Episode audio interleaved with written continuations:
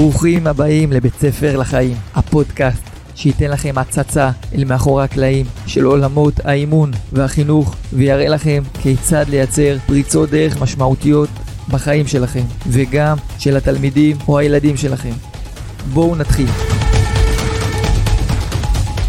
אהלן חברים, היום אני רוצה לדבר על נושא קצת טעון, הנושא שאני יודע שאני אקבל עליו תגובות, לא תמיד טובות, אבל אני מוכן ככה להניח את הדברים על השולחן ולהיות השליח, שככה אני רואה את זה, שליח נאמן לבשורה.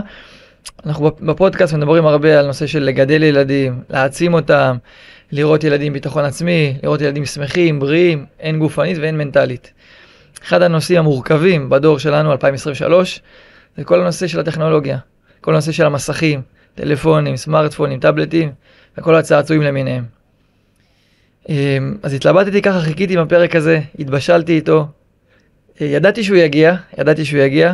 אני את האמת שלי משתדל להגיד, אה, ולא רוצה לפחד מלהניח את הדברים על השולחן, מלדבר על הדברים. אה, כי בסוף אני יודע שאפילו מישהו אחד, משפחה אחת, הורה אחד, אמא, אבא, יעשו עם המידע הזה משהו יותר טוב לכיוון הילדים שלהם. עשיתי את שלי בפרק, ואם יותר מישהו אחד, זה יהיה עוד יותר נהדר. אנחנו נמצאים היום ב-2023, שהטכנולוגיה מתפתחת בקצב מסחרר, אנחנו לא יודעים מה יהיה עוד שנה, עוד חמש שנים, עוד עשר שנים. הכל גועש וקוצף, והכל הולך לכיוון הזה של טכנולוגיה, ולשכלל, ולייעל, אה, ותהליכים מבורכים שמביאים גם ברכה לעולם. אבל מצד שני, במיוחד בעיקר בנושא האימון, בנושא החינוך, בנושא לגדל ילדים, לטפח משפחה בריאה, אז הדבר הזה בעוכרינו. מה אני מתכוון? שבוע נפגשתי ככה עם קבוצת הורים, באחד המקומות שאני נפגש, ואיכשהו השיחה הגיעה לזה שאחת האימהות, ואיכשהו הנושא הגיע לזה שאחת האימהות שיתפה בכך שהיא, שהיא נותנת, בכך שהיא מספקת לשני הילדים הקטנים שלה, בן שלוש ובן חמש, זמן מסך, והיא לא אמרה את זה בתור איזה בדיעבד, איזה משהו כזה קורה על הדרך, היא ממש, זה היה נשמע שזה האג'נדה שלה. ושאלתי אותה, למה, למה את עושה את זה? באמת רציתי לברר מה הנחת היסוד שעומד מאחוריה, כי זה נראה שיש לה איזה אני מאמין בנושא. והיא אמרה לי שהיא רוצה להכין אותם לחיים הבוגרים, לחיים העתידיים, שהם יגיעו דור ההייטק והטכנולוגיה, שהם לא יישארו מאחור. ואני אומר לעצמי, וגם אמרתי לה ככה בעדינות, איך ילד בן שלוש, טכנולוגיה, מסך, טאבלט, מחשב, איך זה יעזור לו בגיל 25 להיות מתכנת טוב? זו השאלה. וזה בעצם הנקודה. אני טוען שיש פער גדול מדי בין מה שאנחנו חושבים ותופסים, של להכין את הילדים הצעירים, היום כבר לחיים הבוגרים שהם יגיעו לגילאי ה-20 ויצטרכו את הטכנולוגיה ויהיו חייבים להבין בהכל, לבין מה שקורה איתם בגיל צעיר. לא נשכח, חבר'ה, זה, אני מדבר בעיקר על הגילאים של היסודי. חבר'ה צעירים, שהדבר הכי טבעי, הכי נכון, הכי בריא, זה לאפשר להם אינטראקציה חברתית, לאפשר להם לצאת למגרש, לפגוש חברים, לרכב על האופניים, ללכת לקאנטרי, לשחות, להתלכלך בארגז חול, כן, דברים כאלה. איך הגענו מפה ועד להכין אותם להייטק, אין לי מושג. אני יכול להגיד ככה משהו אישי, הבן הבכור שלנו בן 11 וחצי, לא יודע להשתמש ב Word, לא יודע PowerPoint, לא יודע להכין מצגת, לגלוש באינטרנט לדעתי גם את זה בקושי הוא יודע אולי יוטיוב ללחוץ על pause ו play כי זה הדבר היחיד שאנחנו מאפשרים לו מדי פעם. ושאני מסתכל קדימה עוד עשר שנים שהוא יהיה בצבא אחרי הצבא בתור באדם בוגר שהוא יצטרך את הכלים האלה כי אין מה לעשות אנחנו צריכים את הכלים האלה באמת. אני לא דואג כי אני יודע שברגע שהוא יגיע לגיל שבאמת צריך את זה אם זה בגילי התיכון שהוא צריך להגיש איזה עבודות ולשבת אז אני יודע שאני אשב איתו או אשתי בח... בשעה, שעתיים, נשלים לו את הוורד, הפאורפוינט, כי זה דחלס דברים לא מסובכים בכלל. ואני לא רואה שום צורך בגיל כל כך צעיר לחשוף אותו לזה כדי להכין אותו לחיים הבוגרים. הוא יהיה מוכן לחיים הבוגרים בצורה הכי טובה, מה שהוא עושה היום.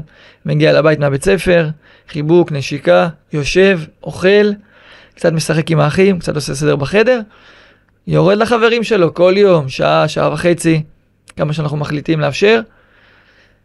אה, משחק, מזיע, נהנה, פוגש חברים, יוצר אינטראקציה, מתמודד עם קצת קושי, עם, עם כישלון, עם הצלחות, עם תחרויות, חברים. לפעמים חוזרים הביתה מבואסים, לפעמים שמחים. זה ההתמודדות הכי טובה. מגיע לבית, זמן איכות עם ההורים, זמן איכות עם הספר, שיעורי בית, חזרה למבחנים. המסך לא קיים שם בשעות האלה. ואני רוצה להגיד לכם, שגם הוא, שהוא נמשך לפעמים למסך, והוא כן רואה חברים, והוא כן שומע מהסביבה, הוא מרגיש איזשהו הפסד, שהוא לא יודע מה קורה בדיוק בכל דבר, והוא לא רואה משחקים, ולא סדרות וכולי, אבל הוא יודע באמת, ודיברנו על זה כמה פעמים בצורה גלויה, ככה שיחה מלב אל לב, הוא יודע שזו הצורה הכי טובה לגדול בה. הוא אומר, הוא אומר לנו את זה הרבה פעמים, וזה דבר ממש משמח ומרגש. אני כל כך שמח שאתם נותנים לנו את המרחב ומאפשר לנו לגדול בצורה בריאה בלי המסך. כי אני רואה עם חברים שלי, אני רואה עם הסביבה מסביב, מקרוב, מה זה עושה להם, איזה דברים לא טובים. ועכשיו באמת אני רוצה ככה לדבר על הנזקים שהמסך עושה, ככה להציף את הדברים. חלק מהדברים אני די בטוח שאני לא מחדש לאף אחד כלום, חלק מהדברים אולי נדייק, אבל גם בבחינת לעלות למודעות, זה כבר חצי מהעבודה. אחר כך גם נגיע לפתרונות מעשיים, כמו שתמיד אני אוהב לא להשאיר דברים בתיאוריה. נתחיל מהקל אל הכבד, אני רוצה לדבר על כמה נזקים שהם יותר גופניים, טכניים. הדבר הראשון, שלשות מסך, זה הדבר הכי טבעי שגורם לעיניים, האור הכחול, המאמץ שהעיניים מפיקות. אנחנו יודעים שזה עלול לגרום נזק בהמשך לראייה, לחדות, וזה דבר אה, לא פשוט להתמודד, אנחנו יודעים שהעיניים זה דבר מאוד רגיש, אנחנו לא רוצים לייצר בעיות עתידיות, שנגרום חלילה לילדים שלנו עוד 10-15 שנים להתמודד איתם. כבר היום, שהם בגיל צעיר, אני חושב קדימה, ולפי זה אני מתכנן. הדבר השני, זה עומס על הצוואר. כן, במיוחד כשאנחנו מדברים על טאבלט, על טלפון, אנחנו צריכים לכופף את הראש מעט כדי לראות את המסך, זה שונה מטלוויזיה או מחשב שאנחנו יכולים לשבת זקוף, אז העומס פה בעמוד שדרה, בצוואר, יכול לגרום, אנחנו יודעים שהוא גורם ליציבה להיות קצת שונה, במיוחד אם אנחנו מדברים על טווח של שנים, שילד משתמש הרבה בסמארטפון, הרבה בטאבלט, זה גורם נזק אה, לעמוד שדרה, לצוואר. הדבר הבא זה האור הכחול שדיברנו עליו מקודם. האור הכחול, במיוחד אני מדבר על שעות הערב. אנחנו יודעים מחקרים בנושא שהאור הכחול הוא מפריע לשינה. מה זה אומר? זה אומר שאם עכשיו הילד צופה במסך בחצי שעה, שעה לפני השינה, יש ילדים שאפילו, לצערנו, נרדמים עם המסך. לא, פגשתי לא מעט ילדים שאמרו לי, אה, שתמיד אני שואל ילדים באימון, איך אתה נרדם בלילה? מה הטקס שקורה לפני השינה? הוא אומר לי, אני יושב, שוכב בחדר על המיטה, צופה באיזה סדרה, באיזה תוכנית, ונרדם. אז זה, זה הדרגה היותר חמורה, ממש ילדים שהמסך גורם להם להירדם, זה רגע אני שם בצד, אבל אני אומר, אפילו על אלה שצפו במסך, סיימו לראות תוכנית, קיבו, הלכו לצחצח שיניים, שטפו פנים, עניינים, התרעננו, ונכנסו למיטה, גם להם האור הכחול מזיק. למה? כי אנחנו יודעים שהאור הכחול, ההשפעה שלו על המוח היא כשעתיים לאחר שאנחנו מסיימים לצפות בו. זה אומר שאם הילד סיים, נגיד לראות תוכנית טלוויזיה בשעה תשע בערב, הוא הולך לצחצח שיניים, להתרענן וללכת לישון, והוא נרדם אחרי דקה, כי הוא באמת עייף. המוח שלו נשאר ער עוד שעתיים, שימו לב. זה אומר שהוא הולך לישון באמת בפועל רק ב-11. כי המוח שלנו גם זקוק לשעות שינה. לא רק הגוף, הגוף נרדם, אבל המוח לא נרדם. ואז אם אנחנו מדברים על ילד נגיד בכיתה ה'-ו' שהולך לישון ב-9, שהוא חושב שהוא הולך לישון ב-9, בפועל הוא הולך לישון רק ב-11. אז אנחנו לוקחים מהשינה שעתיים שהן גם כמותיות, יורד לו משת שינה, וגם מבחינת איכות. זה פוגם באיכות השינה. אז זה נקודה שצריך לשים אליה לב. תמיד אני אומר, בשעה שלפני השינה, לא עם המסך. לראות, לקרוא ספר, לצייר, אה, לשוחח עם ההורים, אה, משחקי קופסה, משהו מרגיע, נעים, לא משהו שזז, מסך, צבעוני, מהיר, תיק, אקשן, מוזיקה, רגוע, צריך להרגיע את הגוף, את הנפש, להיות מוכנים לשינה. עד לפה דיברנו על דברים שהם בעיקר קשיים טכניים. עכשיו אני רוצה לדבר על החלק המנטלי. אז באמת אתגר שהמסך, שעות ריבוי מסך גורמת לנו, זה לייצר אורח חיים ישבני. מה זה אומר? זה אומר שאם באופן טבעי ילד משעה 4 עד 6, 4 עד 7 פחות או יותר אמור להיות בתנועה, אם זה בבית, עם חברים, עם האחים שלו, על השטיח, בפארק, במגרש, בגן שעשועים, אם הוא בזמן הזה במסך, זה אומר שהוא יושב יותר מן הזמן ביום, כי אל תשכחו שהוא הגיע מהבית ספר, ששם יושבים בממוצע 5-6 שעות ביום, בממוצע. אז תחשבו, ישב חצי מהיום, רוב היום הראשון, וגם כשהוא מגיע לבית הוא יושב מול המסך, מול הטלוויזיה, מול המחשב, לא משנה מול מה, במקום להניע את הגוף. אז מבחינה גופנית, תנועתית, הילד לא מתפתח כראוי, זה משפיע גם מבחינה חברתית, כי הוא כנראה לא פוגש חברים, המסך זה החבר העיקרי שלו, וזה משפיע גם מבחינה רגשית. והנושא האחרון, הנזק האחרון שקשור למסך, שמבחינתי הוא הכי קריטי, זה כל הנושא של דחיית סיפוקים. כולנו מכירים את ניסוי המרשמלו הידוע, רצה לבדוק מה ההשפעה של ילדים בגיל צעיר על דחיית סיפוקים, על ההצלחה העתידית שלהם. הילדים שהצליחו להתגבר ולדחות את הסיפוק המיידי, באמת החיים הבוגרים שלהם היו יותר מוצלחים מכל הבחינות, כלכלית, רגשית, חברתית. אני טוען שהיום ניסוי המרשמלו מתקיים בכל יום, לנו, לילדים שלנו, כמעט כל שעה ביום. שיש את המסך, אנחנו רוצים לגעת, רוצים ללחוץ, רק לראות עוד הודעה, עוד מישהו שלח, עוד קבוצת וואטסאפ, ואנחנו נמצאים כל הזמן בניסוי הזה. כלומר, אנחנו הרבה פעמים מצליחים בניסוי המרשמלו, צריכים להשאיר את המסך בכיס, או בצד בחדר ויורדים לשחק, ולפעמים אנחנו גם לא מצליחים. אנחנו תקועים במסך ולא מצליחים להניע את הגוף, לא מצליחים להניע את המוח, לעשות דברים אחרים. ויש קושי אמיתי, גם לנו, בתור אנשים בוגרים, לייעל את שעות העבודה שלנו, את שעות הצפייה במסך, כי בסוף זה דבר שהוא כן חלק מהחיים שלנו, כן? אנחנו נמצאים ברשתות החברתיות, אנחנו עונים להודעות לאנשים, מיילים, זה חלק מהחיים הרגילים של אנשים בוגרים. אז אנחנו נמצאים שם, ואנחנו, בתור אנשים בוגרים, עם אחריות, עם משפחה, עם כלים, עם עוצמה מנטלית, לנו קשה לייעל את הזמן שלנו, את השימוש הנכון בטכנולוגיה, אז מה יגידו הילדים שלנו? שהם קטנים ורקים, ואין להם כלים, אין להם עוצמה, אין להם כוח, אין להם חשיבה קדימה על החזון, על האחריות, על העתיד. הם רוצים כאן ועכשיו ליהנות, רוצים כאן ועכשיו גירוי, רוצים לראות את המסך זז מהר, רוצים ריגוש, רוצים אקשן. אז מה אנחנו מצפים שאם אנחנו נותנים להם את הדבר הזה בידיים, מה, מה יקרה? הם פשוט ישימו אותו בצד ופשוט ילכו לשחק עם העולם? הרבה פעמים זה לא קורה לצערנו, כי אנחנו יודעים שהמכשיר הזה הוא יותר מעניין מכל דבר בחוץ. ולכן, פה לדעתי נכנסת למשוואה עוד נקודה אחת קריטית, שהיא הבקרה של השימוש בזמן המסך. הבנו שהמסך פה חלק מחיינו והוא לא הולך להיעלם בקרוב. אנחנו מבינים שהילדים שלנו כנראה ישתמשו במסך כמה שעות ביום, כמה שפחות יותר טוב. פה נכנס למשוואה הנושא הזה של בקרה, של הגבלה, שאני רוצה לדעת שהילד שלי שעה ביום המסך, שעתיים ביום המסך, לא משנה כל אחד, כל הורה, כל משפחה תחליט מה שנכון לה, מה שטוב לה. אבל אנחנו חייבים להגביל, זה לא יכול לקרות בפוקס, במקרה שהילד שלנו יהיה רק שעה ביום, זה לא יכול לקרות לבד, כי המסך כל כך שואב וכל כך מושך, שאם אנחנו לא אלה שניצור את הגבול הטכני, אז זה לא יקרה. ויש שם הרבה אפליקציות של שליטה מרחוק, שזה במיוחד להורים שהם קצת עסוקים, והם לא תמיד נמצאים בשעות הערות של הילדים, אז גם כשהם לא בבית הם יכולים להגדיר באפליקציה, בתוכנה, את השעות שהאינטרנט יפעל, שהווי-פיי יפעל, וככה בעצם גם מרחוק לשלוט בזה שהילדים יהיו במסך לפי הזמן שהם סיכמו מראש. לפני שנתיים אימנתי נער בן עשר, שהיה לו קושי גופני, תנועתי, קורדינטיבי, ובעיקר היה לו תפיסה קצת מעוותת של המציאות. הוא חשב על עצמו שהוא כל כך מוצלח ואלוף בהכל, וכל מה שהוא עושה מצליח, ותמיד הוא היה מספר לי איך בבית ספר מושלם לו, ואיך עם החברים נהדר לו, וטעיתי ביני לבין עצמי, אז למה הוא בא אליי?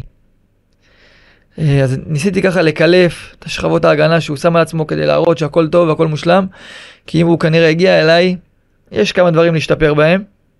ובאמת ככה התחלנו ככה לעבוד על התפיסה העצמית לאט לאט עוד שבוע ועוד שבוע ועוד מילימטר ועוד סנטימטר ככה לשנות לו בחשיבה בסיפור הפנימי שלו בכלל על העולם לא רק על עצמו. ותוך כדי התהליך אני, מה אני מגלה? לא להפתעתי בכלל אבל מה אני מגלה?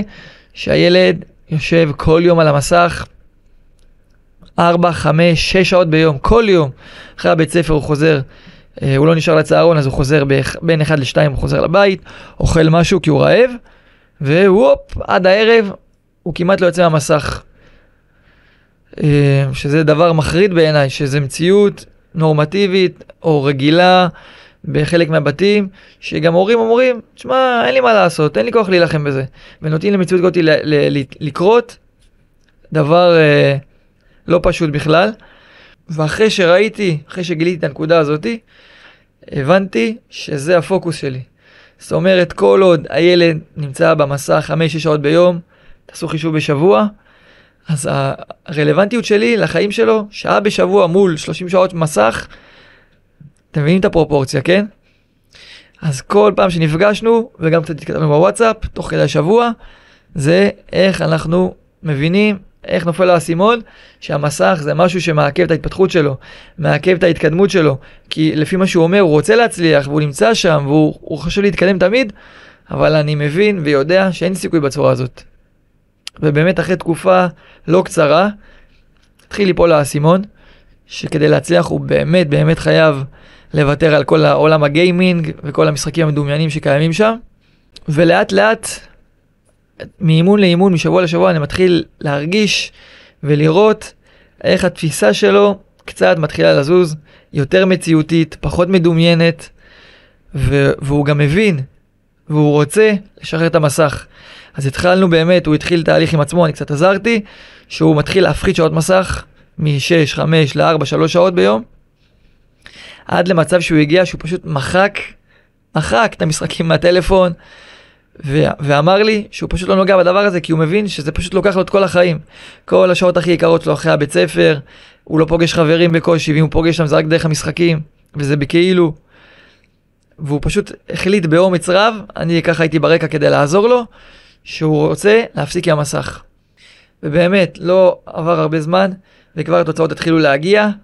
הוא התקבל, שימו לב, לקבוצת כדורגל תחרותית, קבוצה שמתחרה בליגה כל שבוע, שלוש אימונים בשבוע, מחויבות למערכת, למאמן, לשעות, וחוץ מזה, הוא לקח על עצמו משימה כל יום אימון גופני של שעה. כל יום, לא קשור לאימון של הכדורגל של הקבוצה, הוא עם עצמו לבד, אופניים, הליכה, ריצה, תרגילי כושר, תרגילי קורדינציה, כל יום שעה. מאיפה הכל התחיל? מזה שהוא הבין, קודם כל הוא הבין, ואז הוא החליט שהוא רוצה לוותר על המסך, כי המסך פשוט שואב אותו, לוקח לו את כל האנרגיה ואת כל החיים שלו. יש עוד איזה נושא קטן ככה עם כוכבית גדולה, שאני רוצה לגעת בו בנושא של בקרה של שעות מסך. האמת שזה נושא די מורכב, אפילו לפרק בפני עצמו אולי נעשה את זה בהמשך, אבל כרגע אני רק רוצה ככה להניח את זה על השולחן, בלי לפתוח את זה יותר מדי, כי זה באמת נושא מורכב וטעון, זה כל הנושא שלא נעים לדבר עליו, זה חשיפה לפורנוגרפיה אצל ילדים. היום הנתונים הם מחרידים, מחרידים, אני שומע את זה כל פעם מחדש, אני מעודכן בכל הסטטיסטיקות, וזה פשוט אחוזים כל כך גבוהים, שאני לא מאמין שילדים בגילאים כל כך צעירים נחשפים לדבר הזה. אז זה קורה משתי סיבות. א', כי ילדים מבלים כל כך הרבה זמן במסך, שלפעמים משעמם להם הדברים הרגילים, אז הם מחפשים ככה איזה אקשן, ופתאום הם מגיעים לדברים המיניים, שכנראה זה מסקרן ומעניין אותם באופן טבעי, בגיל הצעיר. ודבר שני, זה קורה כי אין סינון. ופה אני רוצה לדבר על הנושא הזה ממש בקצרה. נושא הסינון. היום לפי החוק החדש, כל חברת סלולר, טכנולוגיה, חייבת לספק שירותי סינון מינימליים ללקוחות שלה. סך הכל צריך להרים טלפון, יש גם אפליקציות חיצוניות ותוכנות חיצוניות של חברות שעושות את זה, אני לא מקבל אחוזים מאף אחד, אני לא מתכוון לשווק לכם שום דבר, פשוט שהדבר הזה יהיה בעניין, שכל מסך, כל משהו שמחובר בבית לרשת, שיהיה מחובר לסינון. למה? כי אנחנו לא רוצים שהיהלומים הצעירים שלנו ייחשפו לנושאים האלה, אין להם את הכלים ואת היכולת ואת הכוח להתמודד עם זה, הם לא יודעים מה לעשות עם זה, הם לא יודעים מה אמורים להרגיש שהם רואים את זה. וזה בכלל לא קשור לאם אנחנו דתיים, חרדים, כל ילד בגילאים הצעירים לא צריך להיחשף לדברים האלה. נקודה. אז כל אחד שרוצה לעשות טוב לילדים שלו, שיעשה את המאמץ הטכני הזה, ישים סינון, ולפחות הדבר הזה ייחסך מהילדים שלו בגילאים הצעירים. אז ככה, קצת אה, פרקטיקה, מה ההמלצה שלי על שעות מסך? אז אני אומר, אין פה נוסחה שבאמת מתאימה לכולם. מה שכן, יש לי עיקרון שמנחה אותי, שאומר כמה שפחות שעות מסך, יותר טוב. יותר חיים, יותר התפתחות, יותר אינטראקציה חברתית, יותר חוזק גופני, יותר חוזק מנטלי, חיים יותר מאושרים, חברתיים, בריאים. זה ההמלצה שלי. כל משפחה כמובן תעשה בהתאם לשיקולים שלה, אם יש להם ילד אחד בבית, חמישה ילדים, קצת יותר מורכב, איזה גילאים בבית נמצאים. אבל בעיקרון, כמה שפחות זמן מסך ביום יותר טוב, ובמיוחד, במיוחד אני מדבר על גיל הרך עד כיתה א', אני, אני חושב שכמעט הילדים לא צריכים להיחשף למסך, כמעט. לא מדבר איתכם על דברים, על איזה תכנים של סדרות, מדבר איתכם סתם, אפילו ברמה של הסיפורי ילדים הקטנים האלה, הם לא צריכים את זה. תנו להם משחקי קופסה, תנו להם לצייר, תנו להם לבנות, תנו להם להרכיב. נכון, לפעמים אנחנו רוצים לנוח, לפעמים אנחנו רוצים להתעסק בדברים שלנו, ואנחנו רוצים קצת שקט תעשייתי, אבל לא על חשבון הילדים שלנו, לא. תנו להם לגדול, להתפתח כמו שצריך. בגילאים של היסודי, שם הילדים כבר יותר גדלים, וגם בבית ספר, וגם בבית הספר מראים להם סרטונים, בבית הספר כבר נכנסים אפליקציות ותוכנות חכמות, אז שם הילדים זה כבר קצת יותר חלק מהעולם שלהם. גם פה, יש לי פה, אם אני אפתח איזה נגד מערכת החינוך שמתלהבת מהנושא הזה, טאבלט לכל ילד, מחשב לכל ילד, כאילו זה איזה המצאת המאה, אז uh, סגור סוגריים. אבל גם פה, אם יש צורך מהכיתה, מהמערכת, אז בסדר, נותנים את המינימום שצריך, אבל גם פה, תנו לילדים לפרוח, לפרוס, לצאת החוצה. לצאת החוצה זה המילה. שאלו אותי הורים כמה פעמים, כשאני מדבר איתם על הנושא של המסכים, כן, אתה טוב בלדבר על זה, איך זה אצלך בבית? Uh, התלבטתי אם להגיד את זה פה, אם לפתוח את זה, כי אני פחות אוהב לשתף ככה על הדברים האישיים שלי, אבל בגלל שזה נושא שהוא, אני מחזיק ממנו נושא מקצועי, חינוכי, ואני באמת מאמין בו מכל הלב, אז כן, אני ככה אגיד על זה כמה מילים, איך זה אצלנו בבית, והאמת, שאל תיקחו מזה דוגמה. כי אנחנו במשפחה לוקחים את הנושא הזה אה, ברצינות יתר. מה זה אומר? קודם כל אין אצלנו בבית, בסלון היפה שלנו, אין לנו מסך שהוא חלק מהנוף. יושבים על הספה, ואין לנו כלום מול העיניים, מסתכלים אחד לשני בעיניים, מדברים, משחקים, מציירים. אז זה דבר ראשון. דבר שני, פינת מחשב, פינת עבודה שיש בכל בית, גם זה, גם זה אמירה, גם זה say שיש בבית. יש לי פינת מחשב, פינה של הילדים שיושבים, אז גם את זה אין לנו. למה? הוא לא חלק משמעותי בחיים, בא, באינטראקציה של החיים שלנו. מה כן יש לנו? יש לנו מחשב נייד לאבא ולאימא, שהוא סגור בשעות שהילדים נמצאים רוב הזמן, והוא נפתח מתי שצריך אותו, לענייני עבודה, אה, לענייני פודקאסט ועוד דברים שצריך אותם, שזה בדרך כלל קורה בשעות הבוקר או בשעות הערב אחרי שהילדים הולכים לישון, ומדי פעם, כן, אנחנו מאפשרים גם לילדים לצפות במחשב שלנו בסרטון, שתיים, חינוכיים, הדגש פה, אין פה זרימה ואין פה flow, קחו את המחשב, שעה ותחזירו לי. ממש לא. הם רוצים את המסך, הם מקבלים אותו פעם ב, פעם ב זה אומר פעם בכמה שבועות, תלוי אם זה אבא או אמא, לא נגלה לכם פה. ו... ואנחנו יודעים בדיוק מה לשים להם. משהו חינוכי, משהו תחום בזמן, 20-30 דקות, סוגרים את המחשב, לילה טוב, סיימנו להיום, נתראה עוד שבועיים, שלוש. אנחנו איתם. וגם זה לא בחדר לבד, עכשיו הם נעלמים בחדר ואני לא יודע מה קורה. הם יושבים בסלון, המסך איתנו, אנחנו שומעים מה הם שומעים, אנחנו רואים מה הם רואים, אנחנו לידם.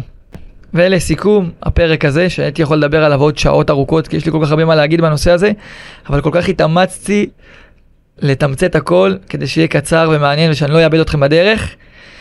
אני אומר וטוען ומאמין בכל ליבי, אין מקרה בחיים כדי לגדל ילדים בריאים, מוצלחים, חכמים, זה לא קורה בפוקס, במקרה. וואי, איך קרה עם הילד, איך הוא פתאום ככה גדל ונהיה בריא, זה לא קורה לבד. אם אנחנו בתור הורים לא נשב, לא נחשוב, נתכנן חזון משפחתי, כן, יש דבר כזה, אנחנו נדבר עליו בפרקים הבאים. אני יושב עם עצמי בתור האבא, כותב את הערכים שחשובים לי, שאני מאמין בהם.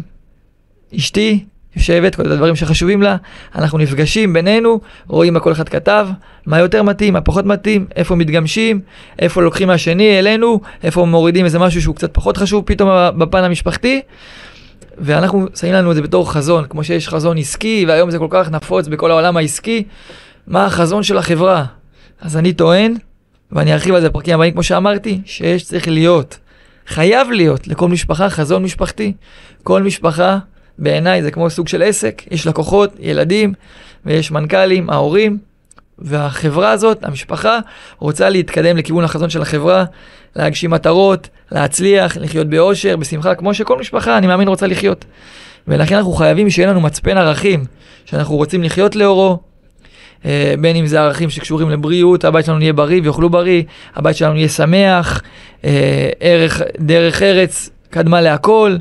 מלא ערכים שחשובים, אנחנו חייבים להגדיר אותם, ואנחנו בתור משפחת דהן החלטנו שזמן, מסך, זה משהו שחשוב לנו שהוא יהיה כמה שפחות, ואנחנו הולכים בקו הזה. זאת אומרת, זה לא במקרה שהילדים שלנו לא נוגעים במסך. החלטנו על דרך מסוימת, ואחד מהביטויים שלה בפועל, כי בסוף כל הערכים היפים שאנחנו כותבים, אנחנו רוצים להוריד אותם גם לקרקע, למציאות. אז זה פשוט לצמצם את השעות מסך, להגדיל שעות אינטראקציה, להגדיל משחקי ח... משחקים, להגדיל משחקים עם חברים, להגדיל שיח עם ההורים, שיח בבית, זמן איכות שלנו, ובצורה הזאת הילדים גדלים, אני מאמין, בצורה בריאה יותר, טובה יותר, חברתית יותר, ושמחה יותר. זהו להיום. אשמח לשמוע את דעתכם. תגובות יתקבלו בברכה, גם תגובות טובות, גם פחות טובות, אני לומד מהכל. ואם יש לכם איזה חבר שהפרק הזה יכול להועיל לו, למשפחה שלו, אני מאוד אשמח אם תלחצו על שיתוף. תודה רבה, נתראה בפרקים הבאים.